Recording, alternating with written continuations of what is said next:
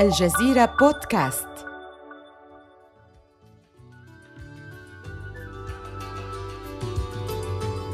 إنه عام 1988 إعلان تلفزيوني جديد يبدأ بثه على شاشات التلفزيون في جميع أنحاء البلاد.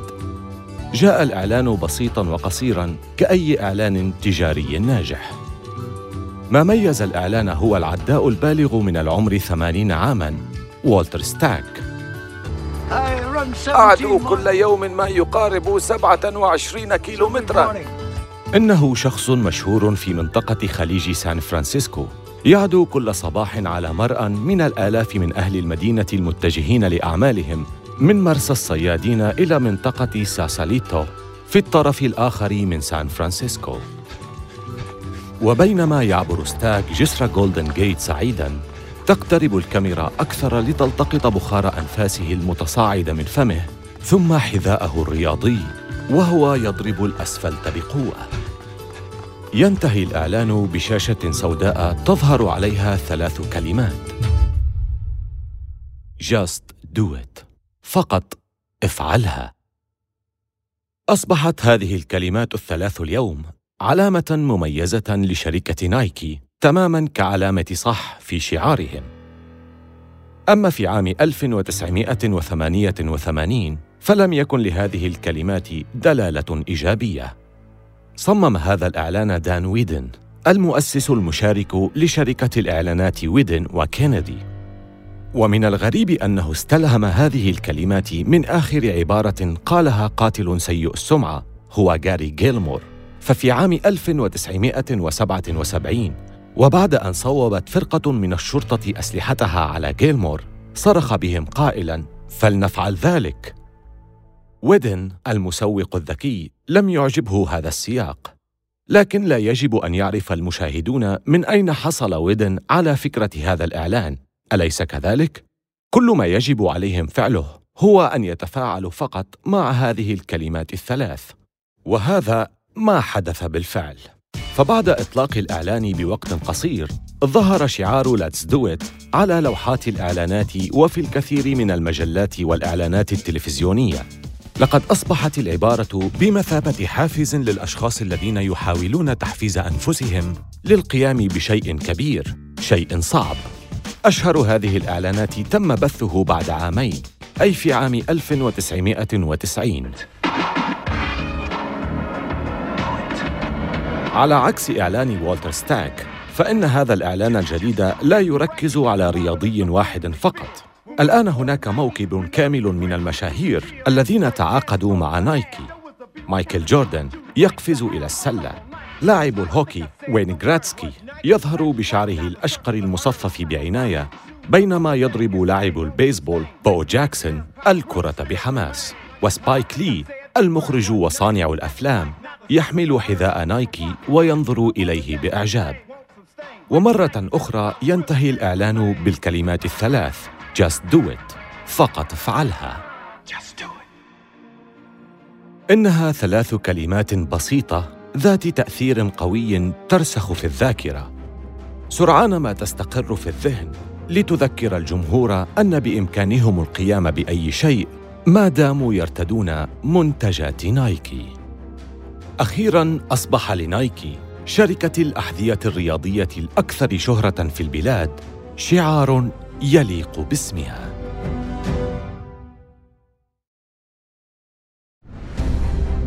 من الجزيرة بودكاست بالتعاون مع ووندري هذا بودكاست حروب الأعمال.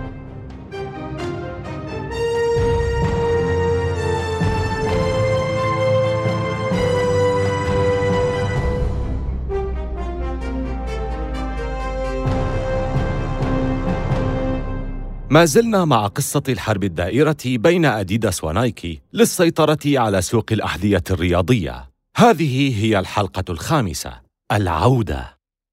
الكثير من الأحداث قد وقعت بالفعل، ونحن نتفهم ما قد تشعر به من تداخل. لذا دعنا نتذكر سريعا أنه ذات يوم كانت أديداس صاحبة الفضل في دخولنا إلى عصر الأحذية الرياضية الحديثة في أوروبا حيث ولدت الشركة قبل بداية الحرب العالمية الثانية. ولكن بعد ذلك ظهرت نايكي. ونظرا لأنها نشأت على الساحل الغربي للولايات المتحدة فإن شعبيتها بين المستهلكين الأمريكيين أكبر بكثير من شعبية تلك الشركة الألمانية العجوز. بدأ اسم نايكي يلمع في السبعينيات ومع حلول الثمانينيات كانت شعبيتها قد بدأت في الانتشار بشكل كبير. لقد بدأت الشركة بالتدريج وها هي اليوم تمتلك سمعة جيدة في مجال الأحذية المتطورة القادرة على جذب أهم وأشهر الرياضيين في العالم. كما تطلق حملات إعلانية كبيرة كحملة جاست دويت الشهيرة مما يعزز هيمنتها وانتشارها. ولكن ماذا عن اديداس حسنا. لا تزال أديداس تتراجع أكثر وأكثر حتى لا تكاد تلمحها نايكي. في أواخر الثمانينيات ومع وفاة رئيسها هورست داسلر عن عمر يناهز الحادية والخمسين تقرر إدارتها بيعها لرجل أعمال فرنسي يدعى برنارد تابي. لقد انقلبت الآية تماماً فنايكي التي كانت مستضعفة أصبحت اليوم في القمة. بينما تجاهد أديداس لتدرك منافساً أكثر أموالاً وشغفاً بالابتكار. لكن أديداس لم تمت بعد. في الحلقة السابقة تمكنت أديداس من استقطاب مديرين تنفيذيين سابقين في نايكي راب ستراسر وبيتر مور ليزورا مقر الشركة الرئيسي في ألمانيا. وبموجب توجيهاتهما قررت الشركة إعادة تركيز جهودها على أفضل ما كانت تنتجه.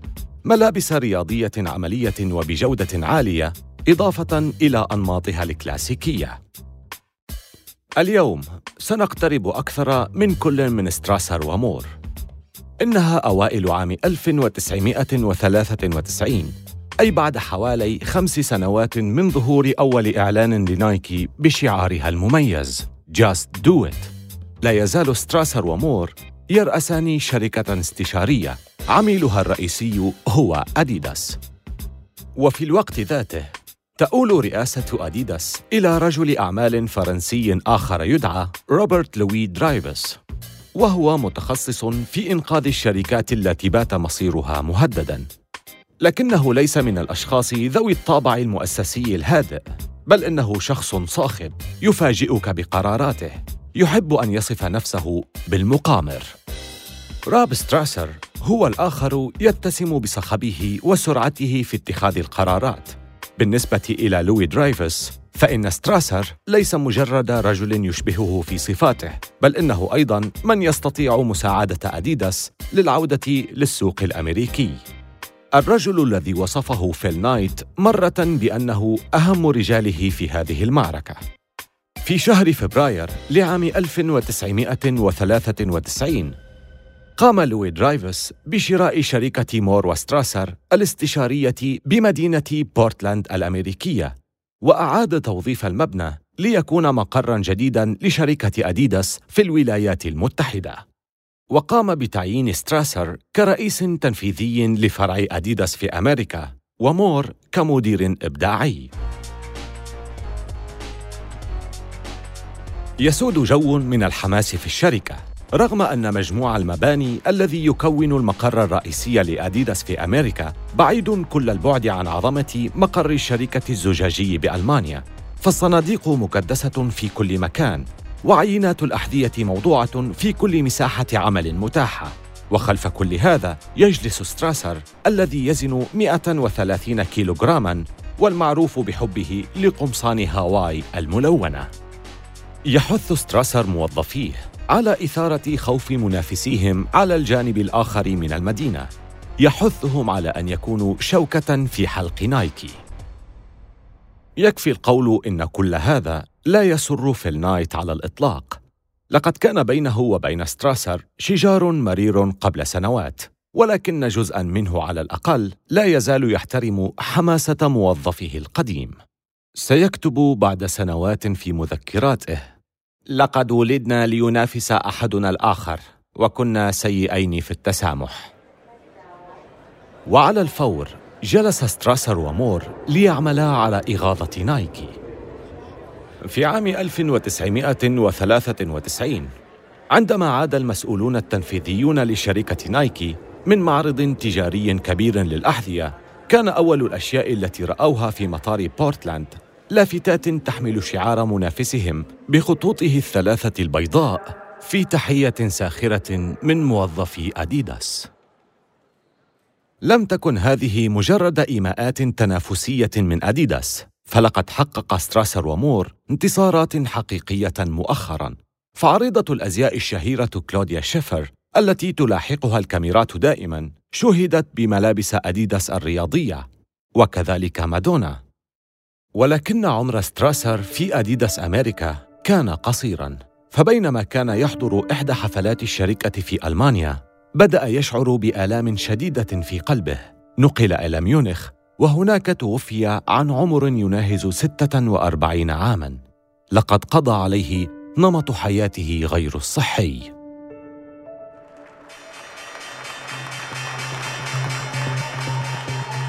أديداس تقوم بتعيين ستيف وين رئيساً لفرع أديداس في أمريكا.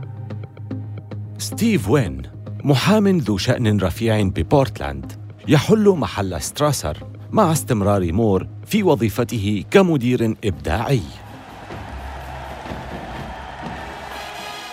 يساعد الفريق الجديد في إنشاء جناح ضيافة ضخم بموقع الألعاب الأولمبية لصيف عام 1996 في مدينة أطلانتا الأمريكية. الدورة التي فاز فيها سبعون لاعباً ممن ترعاهم أديداس بميداليات متنوعة. دونوفان بيلي العداء الكندي يسجل رقماً قياسياً عالمياً في سباق 100 متر. لقد فاز بها دونوفان بيلي. مرة أخرى وكما حدث مع جيسي أوينز عام 1936 يرى العالم أحذية أديداس في قدمي أسرع رجل في العالم. على الرغم من ذلك فلا تزال أديداس تتخلف عن نايكي بفارق كبير في الولايات المتحدة. ففي عام 1996 كانت نايكي تمتلك حوالي 30% من سوق الأحذية الرياضية الأمريكي بينما تمتلك أديداس حوالي 6% فقط. لكن هذه الستة بالمئة تعد زيادة ملحوظة مقارنة بنسبة الأربعة في المئة التي كانت تمتلكها الشركة قبل ثلاث سنوات فقط. وهناك شعور بين المحللين والمطلعين على الصناعة بأن أديداس تسير في الطريق الصحيح. إنها تقوم بكل ما يتوجب عليها فعله.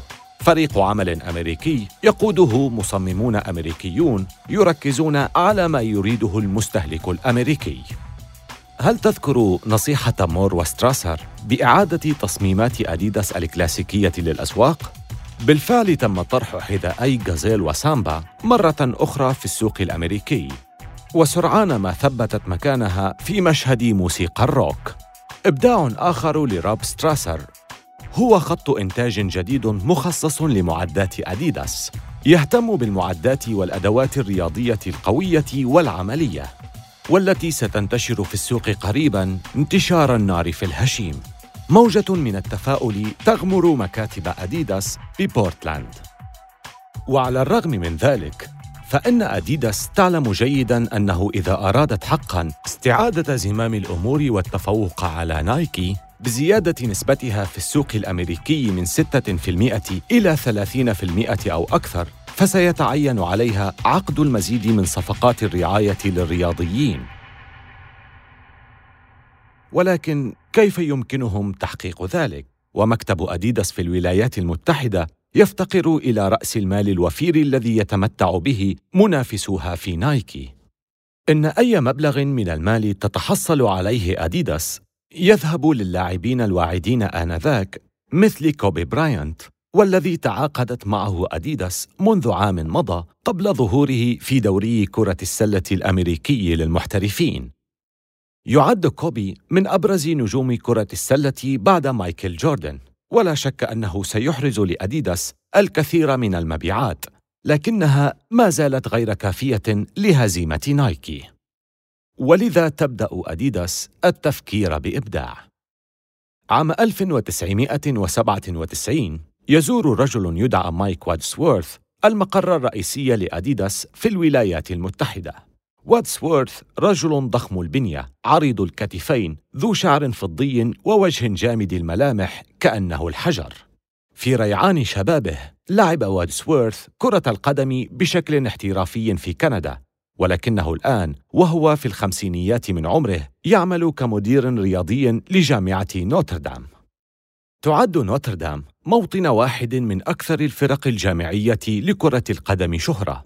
إنه يتمتع بقاعدة جماهيرية واسعة حتى إن الجامعة وقعت عقداً مع مجموعة قنوات أن بي سي لبث مبارياتها وهو ما جعل صفقات الرعاية التي تعقدها الجامعة هامة جدا لشركات الملابس الكبيرة.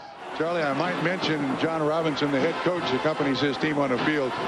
Notre Dame got 57,700 requests for tickets.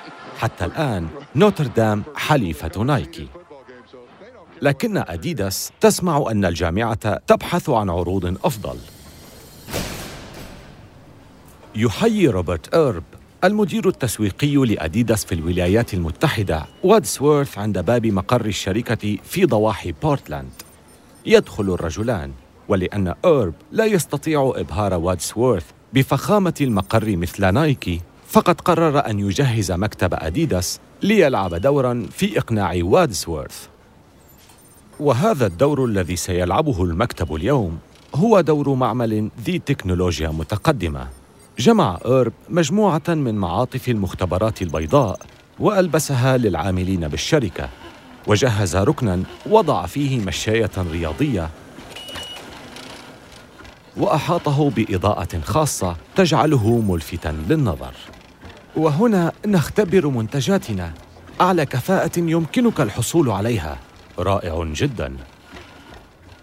وقبل أن يغادر وادسورث يقدم له إيرب وفريقه. مجموعة من الصور الشهيرة هل يمكنك التعرف على هذه الصور؟ إنها قمصان فريقنا الحالية ستلاحظ أن شعار نايكي علامة الصح في معظم الوقت تظهر على مقدمة القميص ولكن أين كلمات نوتردام؟ على ظهر القميص بالضبط أي شيء تعتقد أنه يهم نايكي أكثر؟ نوتردام أم نايكي نفسها؟ فهمت ما تقصده أعجب وادزورث بما سمعه من إيرب وقريبا تعلن الصحافة نوتردام تترك نايكي وتتعاقد مع أديداس. وبهذا الاتفاق ستفتح كل الأبواب في أمريكا أمام هذه الشركة ذات الخطوط البيضاء الثلاثة وستكون هذه الصفقة أيضا بمثابة تحذير لنايكي. لقد عادت أديداس من جديد.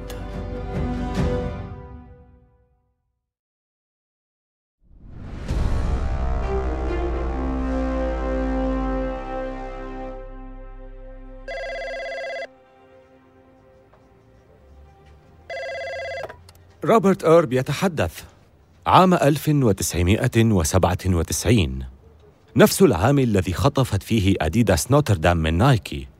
روبرت إيرب المدير التسويقي لأديداس بأمريكا في مكتبه بمدينة بورتلاند بينما يرن هاتفه. روبرت أنا ديريك شيلر. أعمل مع فريق بيسبول يانكيز نيويورك سأكون صريحا معك. فنحن نتطلع إلى عقد صفقة رعاية ملابس مع شركتك. بالنسبة لفريق يانكيز فمنافع هذه الصفقة واضحة. ففريق شديد الإسراف كهذا سيستفيد من الأموال بالتأكيد. ولكنها أيضا فرصة لا مثيل لها بالنسبة لأي شركة ستوفر لهم معداتهم. وشيلر لا يخفى عليه هذا فهو يعلم جيدا أن فريق اليانكيز يعد مكسبا عظيما. نتحدث مع جميع الشركات نايكي.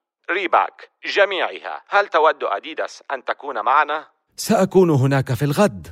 شيلر منبهر للغاية. فلم يكن أي ممثل لأي شركة أخرى متحمسا بهذه الدرجة. وما زاد من انبهاره هو أنه في غضون أيام قليلة يرى روبرت لوي درايفس رئيس شركة أديداس بأكملها آتيا مع إيرب إلى نيويورك.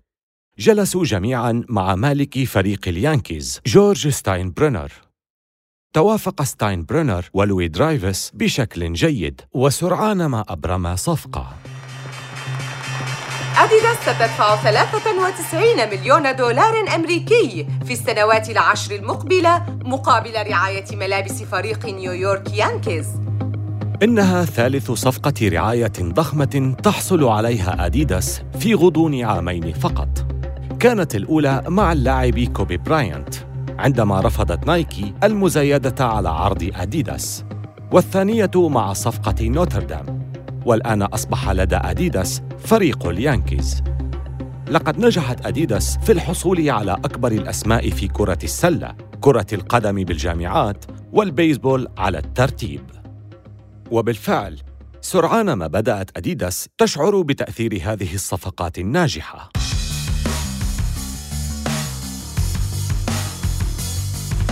ففي عام 1991 عندما افتتحت أديداس فرعها في بورتلاند كان ربح الشركة لا يتجاوز ربع مليون دولار. ولكن مع نهاية عام 1997 تجاوز ربح الشركة مليار دولار فاصل ستة. ولكن باستثناء صفقة كوبي برايانت فإن أحد الأسواق قد بدأ بالخروج من سيطرة أديداس وهو السوق الذي يعد الأهم في الترويج للأحذية الرياضية بأمريكا. نحن نتحدث عن ملاعب الدوري الوطني لكرة السلة. تذكر أن أديداس في السبعينيات كانت ترعى الغالبية العظمى من لاعبي كرة السلة المحترفين. في خلال الثمانينيات والتسعينيات وحتى أوائل العقد الأول من القرن الواحد والعشرين تم محو هذه المكاسب تماماً حيث أصبح حذاء الإير جوردان بتصميماته المختلفة أكثر الأحذية المرغوب بها في العالم. بدا الأمر وكأنه مهما أنتجت أديداس من أحذية جديدة والتي كان بعضها جيدا جدا فإنها لا زالت غير قادرة على التفوق على نايكي. ومن ثم حدث الشيء الأسوأ على الإطلاق. خسرت أديداس كوبي. بالتأكيد لم يحدث الأمر بين عشية وضحاها. استطاعت أديداس الحصول على عقد مع برايانت كمبتدئ. وعلى الرغم من أنه كان واضحا جدا أن الفتى موهوب إلا أنه لم يكن معروفا بعد. لم يكن بشهرة جوردن في سنواته الأولى ولذلك كانت صفقته رخيصة نسبيا. في بداية الأمر وبالنسبة لأديداس الصاعدة حديثا في أمريكا كان كوبي الهدية التي استمرت بالعطاء. ففي كل بطولة يفوز بها وفي كل ظهور إعلامي له يرى معجبوه علامة أديداس التجارية. فمنذ عام 1996 إلى صيف عام 2002 يلعب كوبي حصريا بأحذية أديداس وهي الشراكة التي نتج عنها الحذاء الأكثر شهرة حذاء ال KB 8 وهو حذاء يتميز بكعبه السميك وخطوطه المتعرجة الممتزجة بجلده كالثعبان. كوبي برايانت يبحر في الهواء. ولكن في الوقت الذي أصبح فيه كوبي سبب فوز فريق الليكرز بثلاث بطولات وطنية متتالية عام 2000 و2001 و2002 كان كوبي يشعر بالغرابة. فهو الوحيد الذي يرتدي أديداس بينما كل لاعب آخر من اللاعبين الكبار يرتدي نايكي. في النهاية يتسبب حذاء كوبي 2 في إنهاء هذه الصفقة. صمم الحذاء بالتعاون مع شركة صناعة السيارات أودي. تريده أديداس حذاء يشارك جمال سيارة أودي TT الرياضية. حذاء يبدو وكأنه صمم للمشي على القمر. كوبي 2 حذاء كبير بدون رباط ويبدو قبيحا. ومبيعاته قليلة للغاية مما جعل برايانت يفقد صبره وينهي تعاقده مع أديداس. في عام 2002 أنهى كوبي عقده مع أديداس ودفع لهم كما يشاع حوالي 8 ملايين دولار. وفي عام 2003 وقع صفقة بقيمة 40 مليون دولار لمدة خمس سنوات مع نايكي. بين كوبي وليبرون جيمس الذي وقع عقدا مع نايكي بقيمة 90 مليون دولار بعد تخرجه من المدرسة الثانوية تحوز نايكي الآن جميع المواهب العظيمة في دوري كرة السلة الأمريكي للمحترفين. ليس ذلك فحسب بل إنها ستظل تمتلكهم لسنوات طويلة قادمة. وبدأت الأمور في الازدهار أكثر وأكثر بالنسبة لنايكي وذلك عندما اشترت نايكي شركة كونفرس وأحذيتهم التاريخية All Stars ومع ذلك فإن نايكي على وشك الوقوع في فترة اضطراب.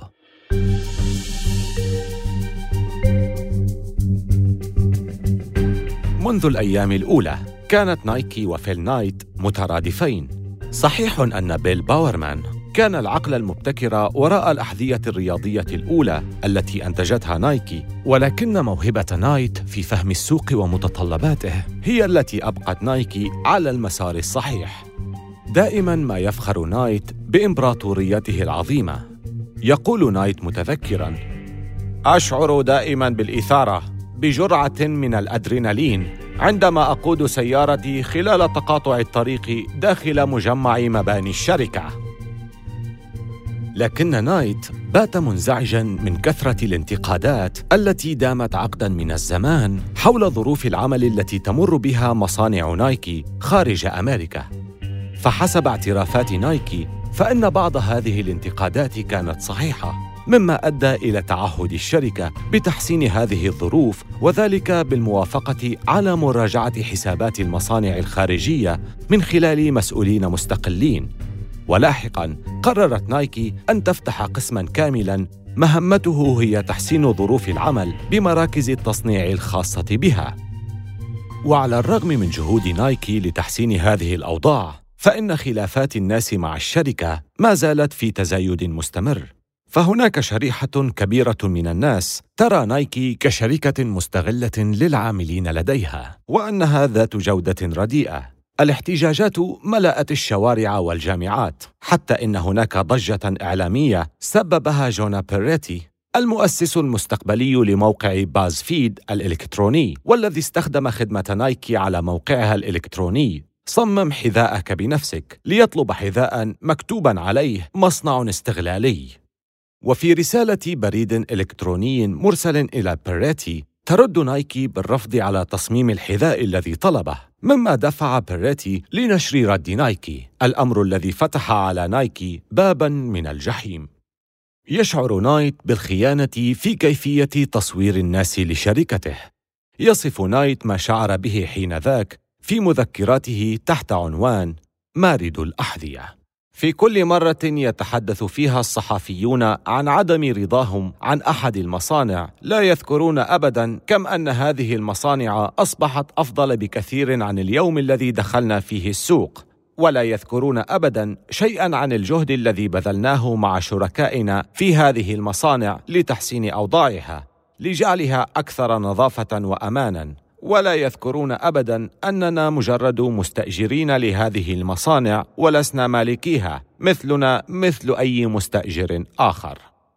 ثم كانت مأساة نايت العائلية. في عام 2004 بينما يشاهد نايت وزوجته بيني فيلم شريك 2 ولم يكد ينتصف الفيلم يلمح نايت موظفا من موظفيه يتحرك بالممر في اتجاهه. هناك أمر مهم. يجب أن تأتيا معي من فضلكما. وعندما خرجا أخبر الموظف نايت وزوجته بالأمر العاجل. ماثيو ابن نايت لقي مصرعه أثناء غوصه بأحد الشواطئ بأمريكا الوسطى. انهارت زوجة نايت بالبكاء بينما يكاد فيل نايت لا يستوعب الخبر. وبعد مرور أشهر قليلة يستقيل نايت من منصبه كرئيس تنفيذي ويحتفظ بلقبه كرئيس مجلس إدارة الشركة. بينما يتولى رئيس شركة إس سي جونسون لمستحضرات التنظيف ويليام بيريز منصب الرئيس التنفيذي لنايكي. ليس لدى بيريز أي خبرة في مجال الملابس الرياضية ولهذا لن يصمد طويلا.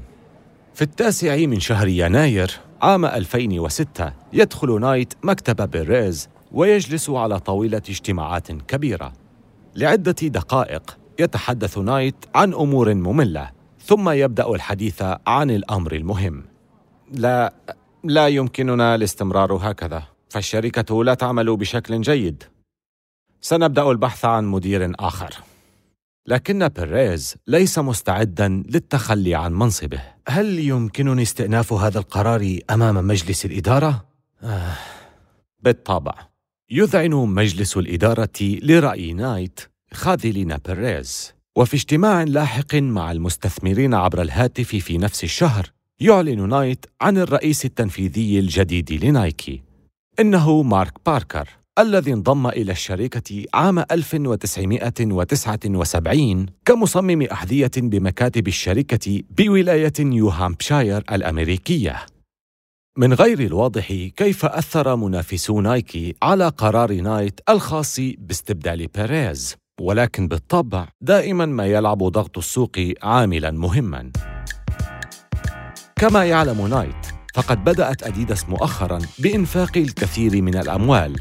بدأت بصفقة تقدر بمليار دولار فاصلة 35 للاستحواذ على شركة معدات رياضية فرنسية تدعى سالومون تنافس نايكي في إنتاج معدات رياضة الجولف ثم في عام 2005 وقعت أديداس صفقة أخرى ستقلب موازين المنافسة بينها وبين نايكي. حيث قامت بشراء شركة الملابس الرياضية ريبوك التي تتخذ من بوسطن الأمريكية مقرا لها مقابل ثلاثة مليارات فاصلة ثمانية. وبالفعل آتت هذه الصفقة ثمارها على الفور. فالدوري الأمريكي لكرة السلة كان قد وقع اتفاق رعاية مع ريبوك بموجبه يرتدي جميع اللاعبين ملابس الشركة. وبعد استحواذ أديداس على شركة ريبوك تصبح مالكة لحقوق هذه الصفقة. وبدءا من موسم عام 2006 سيرتدي كل لاعب كرة سلة خطوط أديداس الثلاثة. ما يزعج نايكي حقا هو توقعاتهم بازدياد حجم أديداس على المدى البعيد. فبعد شراء أديداس لريباك أصبحت تمتلك ثانية وثالث أكبر شركات الأحذية الرياضية بالولايات المتحدة الأمريكية. بدأت أديداس في تعيين الآلاف من الموظفين الجدد، وبذلك يصل رأس مالها إلى 11 مليار دولار ونصف مقابل رأس مال نايكي البالغ 16 مليار دولار. بعد كل هذا الجهد الذي بذلته نايكي لتوسيع المسافة بينها وبين أديداس يشعر فيل نايت فجأة وكأنه مهما بذل من جهد ستظل أديداس أقرب مما يظن وهذه ليست سوى البداية. في الحلقة القادمة من حروب الأعمال نتتبع الأحداث إلى يومنا الحاضر ونجيب عن سؤال لطالما بدا مثيرا للسخرية لعقود. هل من الممكن اللحاق بنايكي؟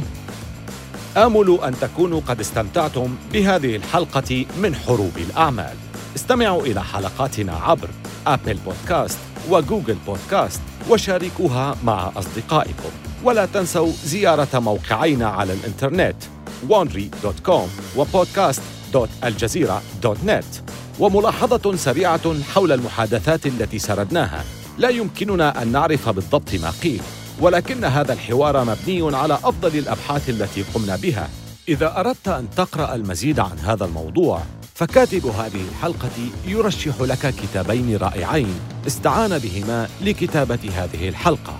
حروب الأحذية الرياضية Sneakers Wars للكاتبة باربرا سميث ومذكرات فيل نايت.